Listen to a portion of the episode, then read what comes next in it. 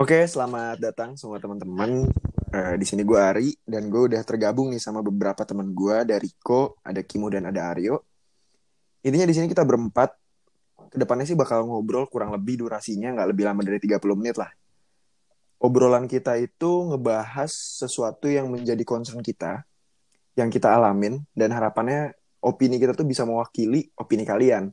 Nah itulah kenapa alasannya namanya Stranger Talks karena kita bukan siapa-siapa tapi kita ngomongin apa-apa. Nah, uh, teman-teman, mungkin kan uh, kita semua kan memang punya kesamaan kan ya. Kita maksudnya sama-sama mahasiswa kedokteran lagi di tahap program profesi. Nah, gue sebenarnya penasaran sih. Maksudnya mungkin kita semua juga penasaran gimana sih kayak kita itu sebagai mahasiswa yang biasanya setiap hari ke rumah sakit, bahkan Sabtu Minggu juga kita masih bisa jaga gitu kan. Terus sekarang dengan pandemi corona ini kalian tuh ngisi waktu tuh gimana gitu?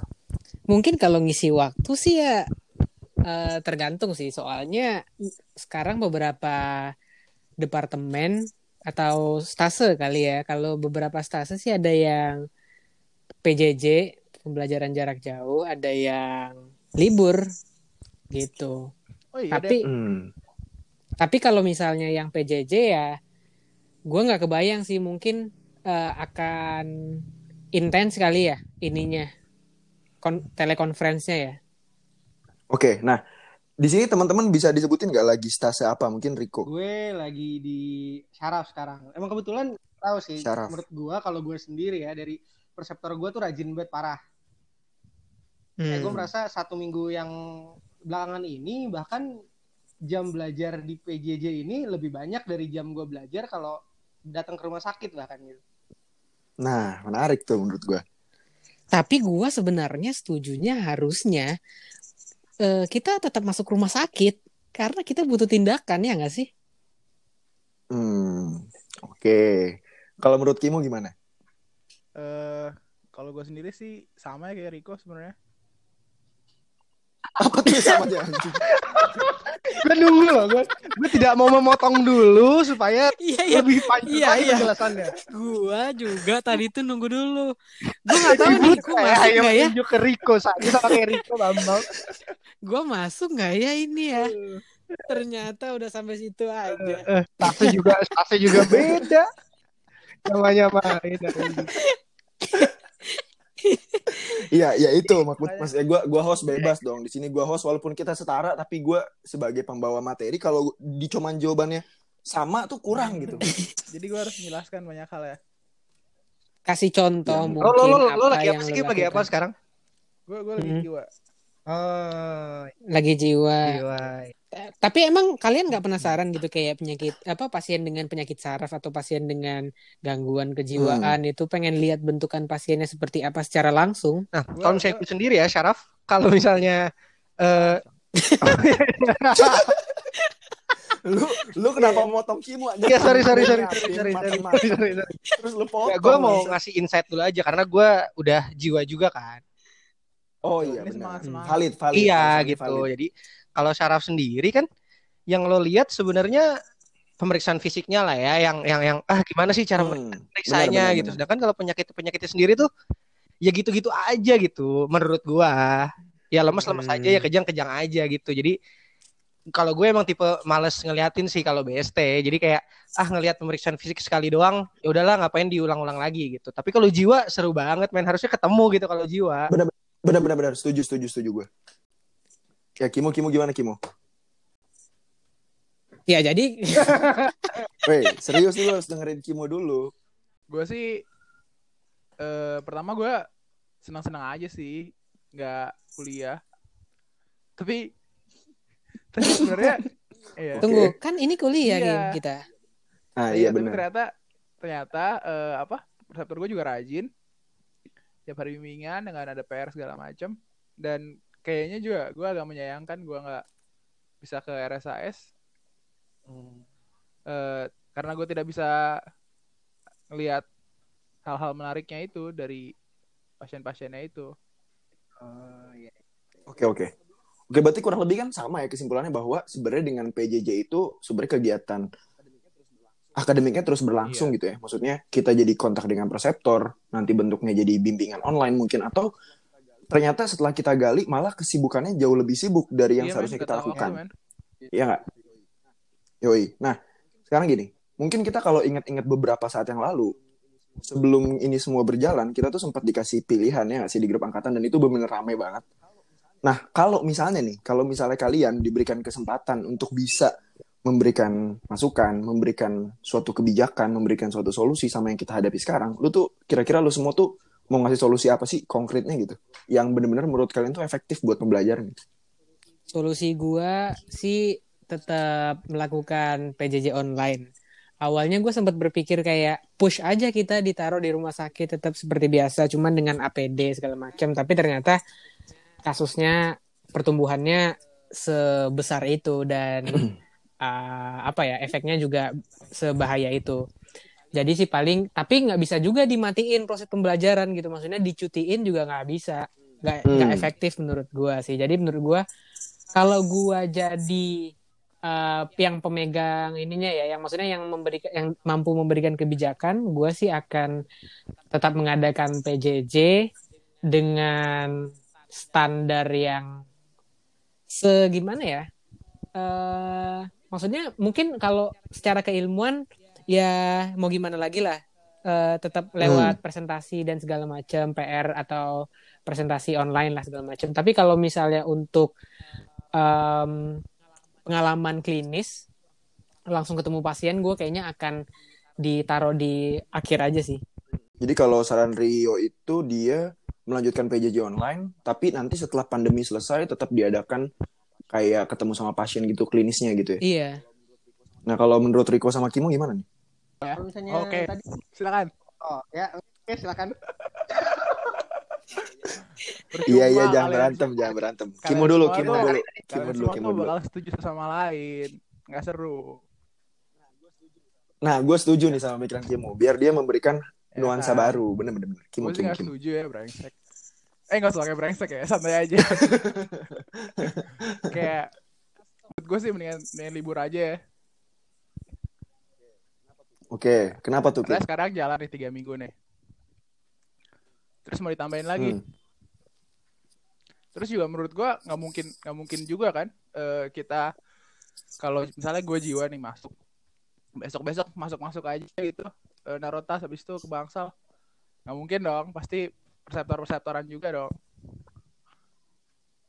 di dua kali Hmm. kerja sih terus gua juga Hmm. apa ya kayaknya nggak kondusif gitu belajar di rumah kayak apa Tapi Iya, rasanya kayak hmm? jadi kalau menurut Kimo yang menjadi masalahnya itu karena mengulang dua kali Iya, iya. atau apa tuh Kim? Maksudnya kalau mengulang dua kali kan artinya Tap- lu maksudnya yakin bahwa nanti ketika kita masuk lagi kita bakal Iya, terperseptoran pasti. lagi kan? pasti menurut gua Maksudnya kan, tapi maksud gua ini kan kondisinya lu sebagai orang yang mampu nih membuat suatu kebijakan, yang ngebuat suatu sistem, Lu akan membuat ya lu seperti apa? berharapnya Iya, gimana? aja Iya sekarang. gitu. kalau besok besok besok mau lanjut lagi Nah iya, tapi kalau misalnya lu liburin, eh, nanti akan tiga minggu berarti lagi buat jiwanya. Emang kalau sekarang berapa lama Setahu Ah. gua ya, sepemahaman gua, yang sembilan minggu nanti deh gitu, nanti abis ini eh, itu dipotong misalnya nah eh, jadi tujuh minggu pembelajaran online, dua minggunya disimpan nah, nanti. dipotong gue setuju masih lumayan nih cil kalau ini dua kali kerja Hmm. sama aja Hmm. Kalau Iya kalau gitu jadi ngerepotin itu sih. bimbingannya nggak tahu Iya, iya, waktu gila jam 8 lah jam 9 hari Sabtu lah gitu loh Hmm. Oke. kayak tiap hari eh, ya, Kalau Oh, iya, Riko, benar, Riko gimana. Riko? ada mungkin ngasih ngasih info dikit ya maksudnya kalau misalnya gue sendiri kan eh syaraf ini tiga minggu kan ya nah, gue Hmm. dapat info dari eh, pembimbing gue bahwa nanti di ujung eh tiga minggu ini kita PJJ akademiknya eh, nanti nambahnya tuh dua minggu untuk ketemu pasiennya tuh. Hmm. jadi mungkin kalau yang Kimu tadi bilang ya berarti gue stasenya lima minggu ya males bisa lah oke gitu. Nah gue nggak tahu makanya yang 9 minggu gimana. Eh kalau misalnya tadi masalah tentang eh eh, apa bimbingan yang nggak tahu waktu, iya sih maksudnya eh gue bimbingan dari jam 7 sampai jam 7 lagi gitu kemarin kayak ya jadi lebih lama aja kayak belajar bahkan biasa gue cuman datang jam 7 jam 4 juga udah bisa pulang tidur di kosan gitu. Jadi Oke. capek aja juga gitu, walaupun PJJ doang. Tapi menurut gua kayaknya kalau masalah waktu nggak pandang waktu, kayaknya itu ini deh.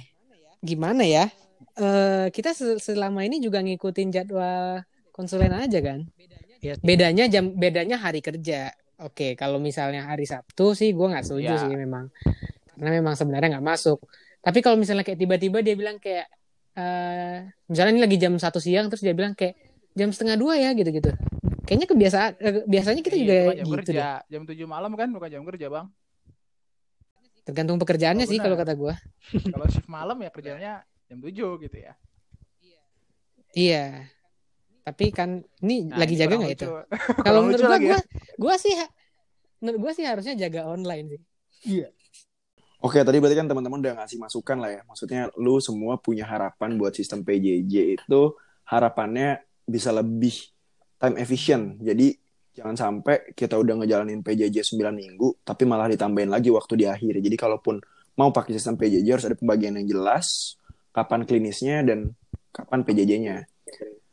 Terus yang kedua masukannya juga adalah tentang jam kerja. Jangan sampai karena kita ya di rumah bisa dieksploitasi setiap jam untuk terus-terusan PJJ. Ya walaupun kita juga masih belum tahu kan, kayak koas tuh sebenarnya jam kerjanya kapan. Tadi Rio juga sempat melucu jaga tapi nggak lucu. Tuh oke kita Eh, kita abaikan. belum itu. Oke, nah sekarang nih kan, kalau misalnya kita ngebahas tentang corona ini, sebenarnya kita juga sebenarnya mengamati perubahan sosial di masyarakat menurut gua. Kayak yang awalnya manusia itu fokus untuk menggapai cita-cita di luar rumah, kayak misalnya kita nih sekolah jadi dokter atau misalnya orang-orang yang kerja tuh fokus nyari uang, sekarang tuh malah jadi di rumah ya nggak sih? Tapi tergantung cita-citanya. anjing, anjing Riko, anjing. Tapi makin dibanting-banting. tapi bener kok tapi bener menurut gua maksudnya jadi sangat sangat home centered banget sekarang tuh itu baru pertanyaan satu loh. Udah di enggak. Aku supportin, aku support. Iya, iya, iya. Ta- tapi jadi home centered makanya sekarang gua tuh pengen nanya nih pertama ke Rio dulu terlepas dari tadi yang belajar menurut lu eh gue pengen nanya ke lu lu tuh ngapain aja sih selain dari belajar itu tuh kayak kegiatan sehari harinya tuh ngapain gitu Maksudnya kalau gue lihat di Instagram orang-orang kaya sih, gue nggak tahu lu kaya atau enggak, tapi setahu gue kan enggak. Setahu gue, setahu, setahu gue kan enggak kan. Tapi kalau orang-orang kaya kan emang punya gym pribadi di rumah atau punya track lari di rumah, ya enggak? Kayak teman kita lari pakai masker kan. Uh. Hmm, iya, iya, iya, iya, iya. Challenge baru tuh, challenge baru. itu gue setuju tuh harus di harus nah. Kalau lu gimana nih, Yo? Maksudnya dengan keterbatasan ekonomi yang lu punya tuh lu ngapain? Ya, ya gua tai banget lo ya. Gua gua sih ah, menjalani hari-hari ya paling selain kalau selain kuliah gua eh, ini ya melatih eh, pem- apa pemikiran kritis dan strategi gua dalam eh, Uh.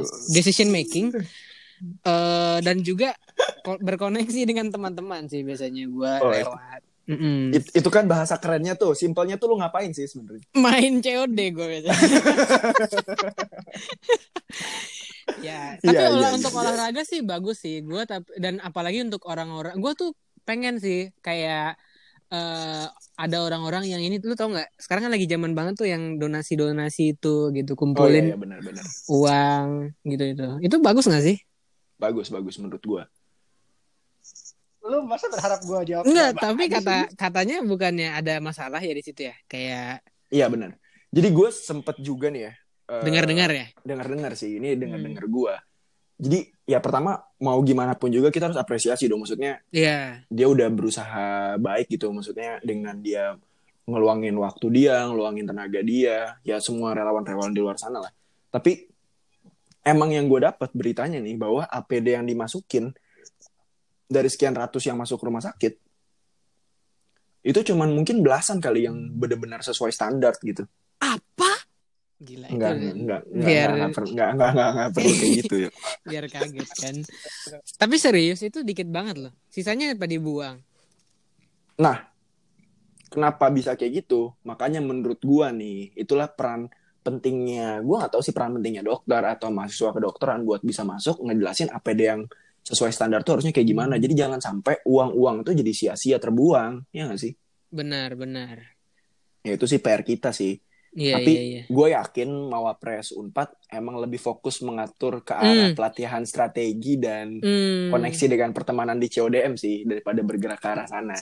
Iya, iya. Karena harus strategis dulu, baru lu harus bergerak gitu. Nah, benar, itu poin pentingnya. Jadi Mm. menurut gua lu jangan sampai latah untuk bergerak, tapi lu harus punya planning yang matang. Lu mau bergerak seperti apa? Jadi jangan sampai tenaga dan waktu lu tuh terbuang sia-sia, apalagi ngelibatin uang orang lain ya nggak sih?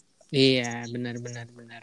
Nah, tapi saran lu gimana sih kalau misalnya buat eh, mahasiswa yang merantau ke di kota, maksudnya di di mana misalnya dia kuliah di Jakarta, kuliah, kuliah di Bandung, bagusnya dia pulang nggak? Gua tahu tujuan lu mau nyindir gua.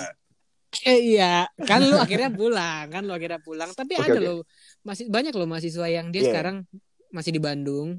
Kalau menurut gua prinsipnya balik lagi sih. Prinsipnya balik lagi gimana transmisi coronavirus ini sendiri dan Hmm. perjalanan penyakitnya. Gu- Ya koreksi gua lah, maksudnya gua juga masih sedikit lah bacaannya. Ya Tapi gue tahu. Yang, yang, ter- yang terpenting itu kan sebenarnya yang lu harus pahami betul, semua orang harus pahami betul bahwa bisa jadi lu terkena, lu positif tapi nggak punya gejala ya sih. Iya, Dan benar. tapi lu bisa nularin ke orang.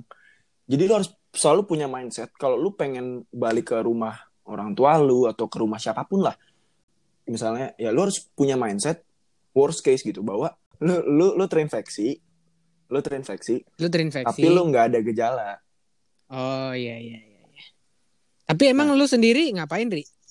Nah, nah itu dia makanya gue gue juga sebenarnya tuh eh, salah satu orang yang awalnya pengen gak pulang gue, jujur. Oke, tapi Karena aktivitas lu, melihat aktivitas lu tadi. di tengah ini apa? Gue gue harus cerita dulu dong, gue harus cerita dulu dong, gue kenapa bisa Oh, di iya, Jakarta. Nah jadi gue sebenarnya Oke. awalnya mau tetap di Bandung nih, apalagi kan udah jelas tuh Bandung tuh Hmm. red zone kan.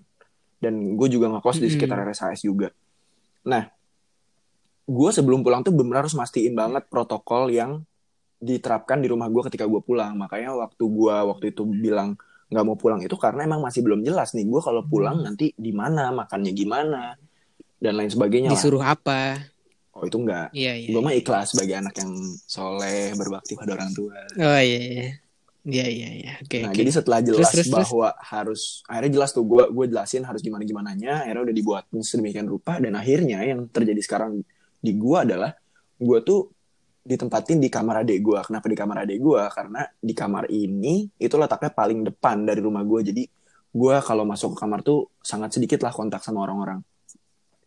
Dan di kamar ini gue full Hmm. seharian di kamar. Ya kecuali keperluan kayak BAB atau buang air kecil lah ya. Tapi emang beneran full seharian di kamar gue. Gue nggak kontak sama siapa pun. Oke, aktivitas kan itu cukup ini ya, cukup apa ya?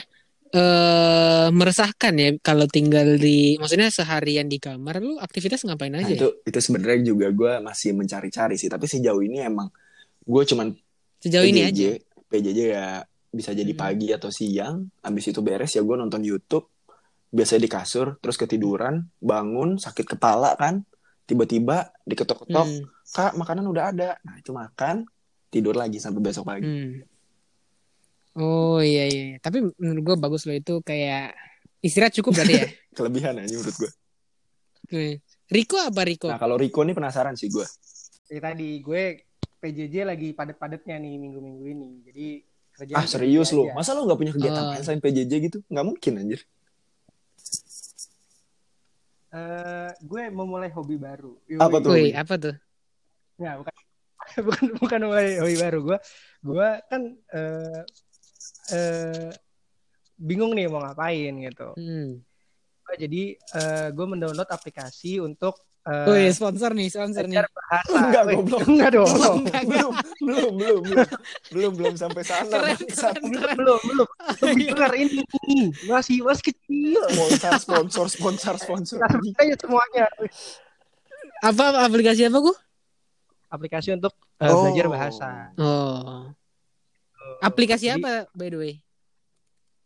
Hah? Nama aplikasinya? Oh, Eh, tahu Duolingo tahu tahu Du- Duolingo tahu Shout out to Iya. Duolingo. Wis. kayak gitu jadi gue gua ah gabut nih mau ngapain olahraga juga eh udah misalnya gitu Oh, kan lu, belajar lu udah olahraga, lu olahraga ah, kok. biar ada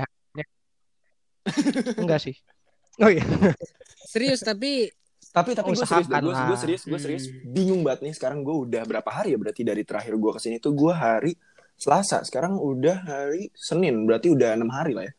Gue selama enam hari itu bener-bener gitu-gitu aja loh. Gue sekarang udah mulai bosen. Mungkin itu juga alasan kenapa teman-teman di luar sana banyak yang akhirnya pergi-pergi juga keluar gitu nggak tahan. Nah, makanya gue nanya nanya ke Iya, kalian iya. tuh mungkin karena Iya, iya, related gitu ya, maksudnya sangat relate gitu gue sama apa yang kalian alamin gitu. Gue sangat bingung banget sih cara Iya, buang, iya, iya. buang waktu gue tuh gimana anjir.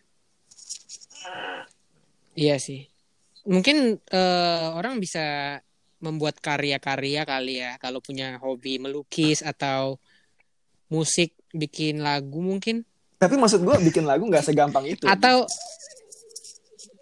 iya iya sih atau kalau cover menari oh ya cover atau kalau suka bisa. ngomong ya bisa ini kan ngobrol di podcast Nah, nah yo yo yo, menurut gue tuh menurut gue tuh bahasan yang menarik sih. Nah, gue gue gue mengamati banget nih kayaknya emang orang-orang itu udah saking lamanya di rumah sampai bingung mau ngapain nih. Dan yang gue amatin emang beberapa teman kita juga dan termasuk kita lah ya, malah eh, akhirnya menyalurkan hal tersebut untuk membuat sesuatu lah ya. Maksudnya gimana nih tanggapan lu sama orang-orang yang kayak tiba-tiba memulai podcastnya sendiri, tiba-tiba bikin channel YouTube atau ya kita juga tahu lah ya ada adik kelas kita yang bikin channel YouTube dan ya gitu menurut lu gimana tanggapan lu gitu?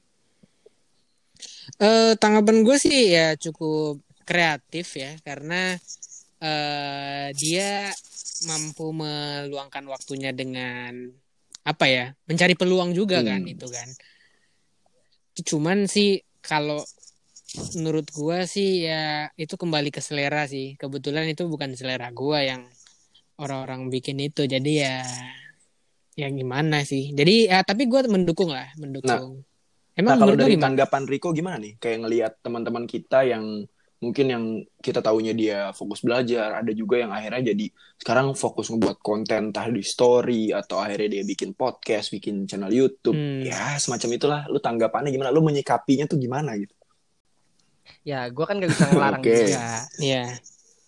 cuman bukan salah kita kalau kita menghujat dia kan Oke, oke, oke. Iya, iya. ya dong kayak apa sih ini anjing alay banget ya itu udah Iya, setengah gua Iya, ya kan iya, iya. Tapi dalam menghadapi dalam menghadapi hujatan-hujatan itu harusnya dia terima-terima aja ya. Dia harus siap. Kalau ya menurut gue ya. sih harus terima. Maksudnya pun harus terima seperti kita juga kalau tiba-tiba ya, ada yang hujat Gue harus sih terima siap dong kalau ada Iya, yang iya. menghujat kita. Tapi gue yakin gak ada sih. Ya, ya. Kalau yang ngedenger ini ada yang mau menghujat, gimana tanggapan? Ya nanti gue kasih tapi tayang bakal tayang nggak sih kayaknya nggak nggak tayang, pasti tayang. tayang, tayang. Tayang ini ya. Oh, tayang tayang tayang Oh iya. Ya kalau gua lihat lagi sebenarnya berarti kalau dari tanggapan kalian eh, dari baik Rio maupun Rico sebenarnya nggak ada masalah ya sama orang-orang yang bikin konten kayak gitu. Tapi jangan sampai nyalahin kita kalau kita misalnya ngata-ngatain dia gitu. ya. Benar. Harus siap Harus itu. siap. Nah emang kalau yang selera Itu selera konsep. lu tuh gimana sih? Maksudnya lu konten apa sih yang lu cari sebenarnya? Yuk. Eh, gua sih tergantung ya. Paling yang nomor satu sih edukatif. Nomor satu edukatif. Oke keren. Terus Menyebarkan informasi yang benar. Hmm. eh sama sih paling ya yang itulah Eh, lucu-lucu lucu-lucu, lucu-lucu ya. Itu Iya. kayak menggambarkan podcast Uh-uh. kita banget gak sih kok? iya benar-benar atau pemer pemersatu pemersatu bangsa Pemersatu bangsa tuh maksudnya gimana tuh? TikTok. Yuk? Eh, itu yang TikTok TikTok itu TikTok TikTok ya yang yang Nah, lu menanggapi fenomena TikTok menjamur tuh gimana kok? Maksud gue, sekarang TikTok itu kan yang dulu awalnya kayak buat joget-joget musik, malah sekarang jadi pertontonan lelaki ya nggak sih kok? gue enggak sih masalahnya jadi Eh. ya, Nggak, nggak, gue gue gue serius, gue serius nih, kok gimana kok? Hmm. Tapi Bentar, tapi bentar, respect Ya, sama TikTok loh. Mereka menyumbang 100 miliar rupiah untuk penanganan COVID-19. Ya keren, keren. Oh iya. Iya. Kira-kira nyumbang berapa nih buat podcast kita kalau misalnya jadi sponsor? Oke oke, itu itu itu itu bagus sih, itu Siap. bagus. Jadi eh, TikTok kita mau kok joget-joget nggak pakai baju, mau mau. mau kok kita mau. Mau. Kita mau mempromosikan. Mempromosikan ya ya. TikTok tidak alay. tidak alay. Soal iya. Bagus. Aku juga suka. Aku suka. Soalnya itu kan itu cara mereka mengekspresikan dirinya Iya, sendiri loh. Bener-bener. Self love ya, Self-love. self love. Dan everybody Hmm. love juga. Iya. Hmm. Tergantung sih, tergantung seberapa ini. Iya. Eh, Seberapa lucu. Tapi gue Iya, serius, tapi dan gue seberapa- serius nanya. Ceweknya. seberapa Tapi gue besar serius nanya nih. seberapa Lu, lu besar kan tau lah. Lu tau dampaknya. lah ya. Gue serius nanya. Hmm. Lu tau lah ya. Kalau TikTok tuh kan semakin ke sini ya semakin gitu gitu ya. Orientasinya malah jadi laki-laki yang pengen ngelihat joget-joget ya perempuan yang cantik atau yang ya so called seksi lah. Nah itu pandangan lu gimana? Rico. Tuh. Oh iya. Gini nih, Gua gini tidak nih. Orang-orang yang so suci gini nih. Bentar, bentar. Eh tapi gue beneran nggak tahu deh. seju- Kalau misalnya kita mau melihat itu, eh, kita yang lo maksud melihat itu adalah dengan menginstall Oh, ya itu enggak. dan melihat eh, Oh, ya cari enggak di dong. aplikasinya gitu. sejujurnya gue melihat Lo melalui media lain ya Nah. ke-share aja gitu di grup-grup yang berisikan itu semua di ya Iya. laki-laki itu. Ya, Benar. maksudnya kan TikTok ya udah semakin sekarang mah jadi ke-upload ke platform sosial media yang lain kan sebenarnya kayak Twitter atau Iya. Instagram. Sejujurnya gue nggak per, nggak per, nggak nggak pernah ngedownload TikTok jadi eh, video-video TikTok yang gue pernah tonton itu basically cuma repost dari Instagram. Hmm. Hmm. Yang lo tuju untuk bentukan yang lo cari seperti apa gitu Hmm. kan. Iya. Iya. Hmm. Ter- kebetulan suggestionnya ya mengarah ke dan sana. dan lu melihat itu tuh ya Oh. lu nggak komen apa apa lu cuma menikmatinya aja dan lu nggak punya masalah apa apa sama itu berarti ya. Enggak nggak ada karena ya baik lagi kan ke selera. Ya, lu emang berarti kayak gitu ya. Eh, iya kan itu konten Tapi- tapi itu nggak ada- edukasi, Tapi mencuci itu nggak tangan. ada di kategori tadi kan edukatif, iya kan? Informatif, Nah, lucu-lucu. Informatif. itu informatif. Lucu-lucu. Ya lucunya lucu ya. itu mungkin. Iya benar Lucu. lucu. dan in- dan informatif karena kan lu pengen tahu kan di balik itu apa gitu kan. Maka diberitahulah gitu. Dia dia beritahu. Jadi semakin semakin terbuka semakin bagus ya. Kayak maksudnya pikirannya terbuka gitu kayak ngomonginnya. Iya. Benar benar benar. Pandangan juga menjadi lebih Pandangannya terbuka. Iya. Iya. Mm-mm. Oke deh.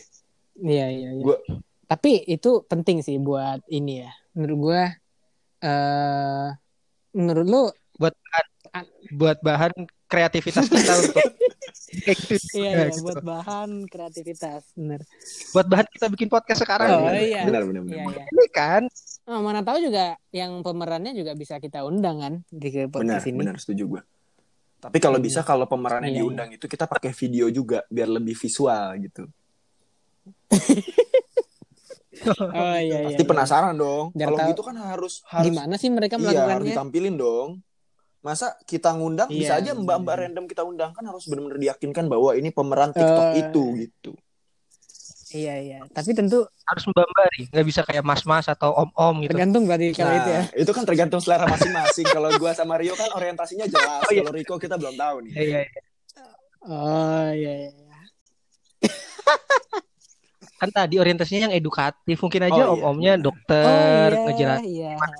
tangan iya iya gitu. Iya iya. ya udah udah, oke oke gue tutup Hmm, oke mungkin udah kita cukupin kali ya bahasannya tentang ya gimana sih kita berempat ini menghadapi corona dengan kesibukan kita masing-masing alasan kita pulang dan lain sebagainya lah mungkin dari Riko nih mungkin dari Riko ada nggak pesan terakhir yang mau disampaikan ke teman-teman yang juga mungkin merasakan hal yang sama ke kita kira-kira kegiatan apa sih yang yang lu saranin lah buat mereka lakuin di rumah gitu